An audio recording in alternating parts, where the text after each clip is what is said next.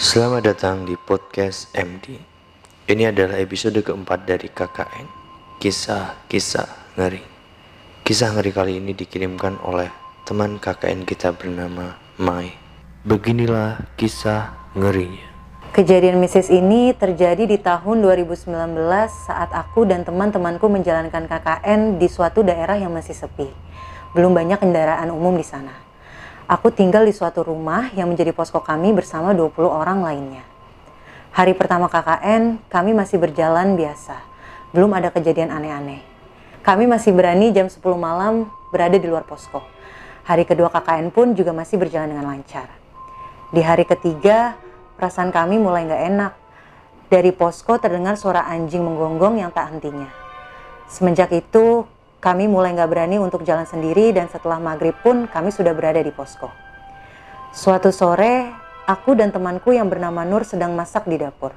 Dapur tersebut masih berbentuk bilik dan ada bolongan kecil di dindingnya. Tiba-tiba ada suara hi hi hi hi yang muncul dari bolongan tersebut. Aku dan Nur sudah ketakutan dan ternyata suara itu muncul dari teman satu KKN kami yang bernama Rishan. Aku dan Nur sangat kesal saat itu dengan perilakunya. Malam harinya, aku kebetulan tidur di ruangan dekat pintu dapur.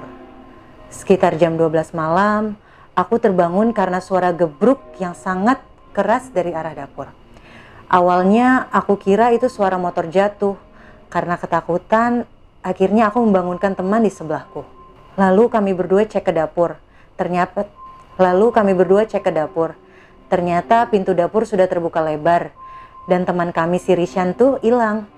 Malam itu Rishan tidur di dapur bersama teman-teman cowok lainnya.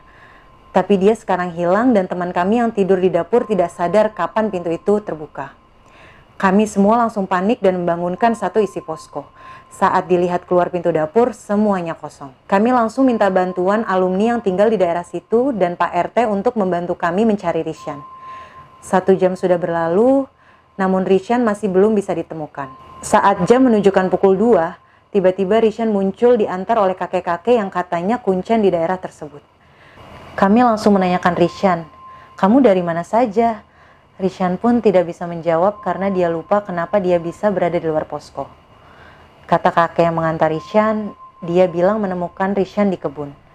Tapi Rishan masih tidak sadar dengan apa yang terjadi padanya. Hal terakhir yang Rishan ingat adalah dia tidur di posko dapur dan bermimpi. Di mimpi itu ada seorang wanita berambut panjang yang mengejarnya. Wanita di mimpi itu terus mengejar teman kami seakan-akan ingin memeluk dari belakang dan berusaha untuk menarik Rishan. Tapi Rishan terus berusaha kabur dari wanita tersebut. Saat Rishan terbangun dari mimpi, dia sedang berada di kuburan. Kuburan itu sangat gelap dan tidak ada penerangan satupun. Rishan berusaha mencari arahan untuk pulang, namun tidak bisa menemukan orang lain di sekitarnya. Dan di situlah kakek Kuncen bertemu dengan Rishan.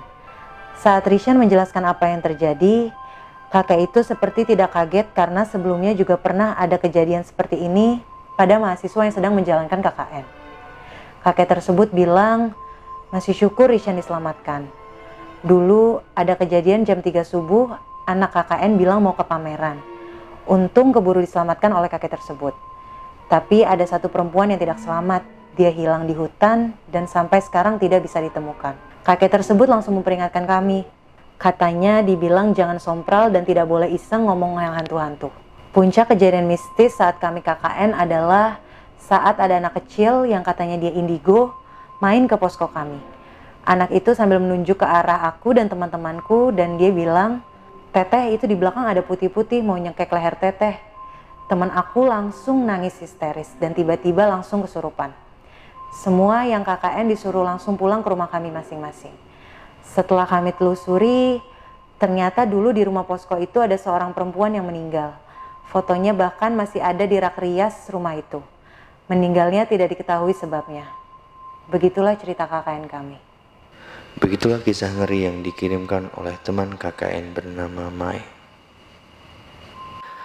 Terus kirimkan kisah-kisah ngeri kalian ke email kkn di desa penari movie at gmail.com. Sampai jumpa di kisah-kisah ngeri selanjutnya.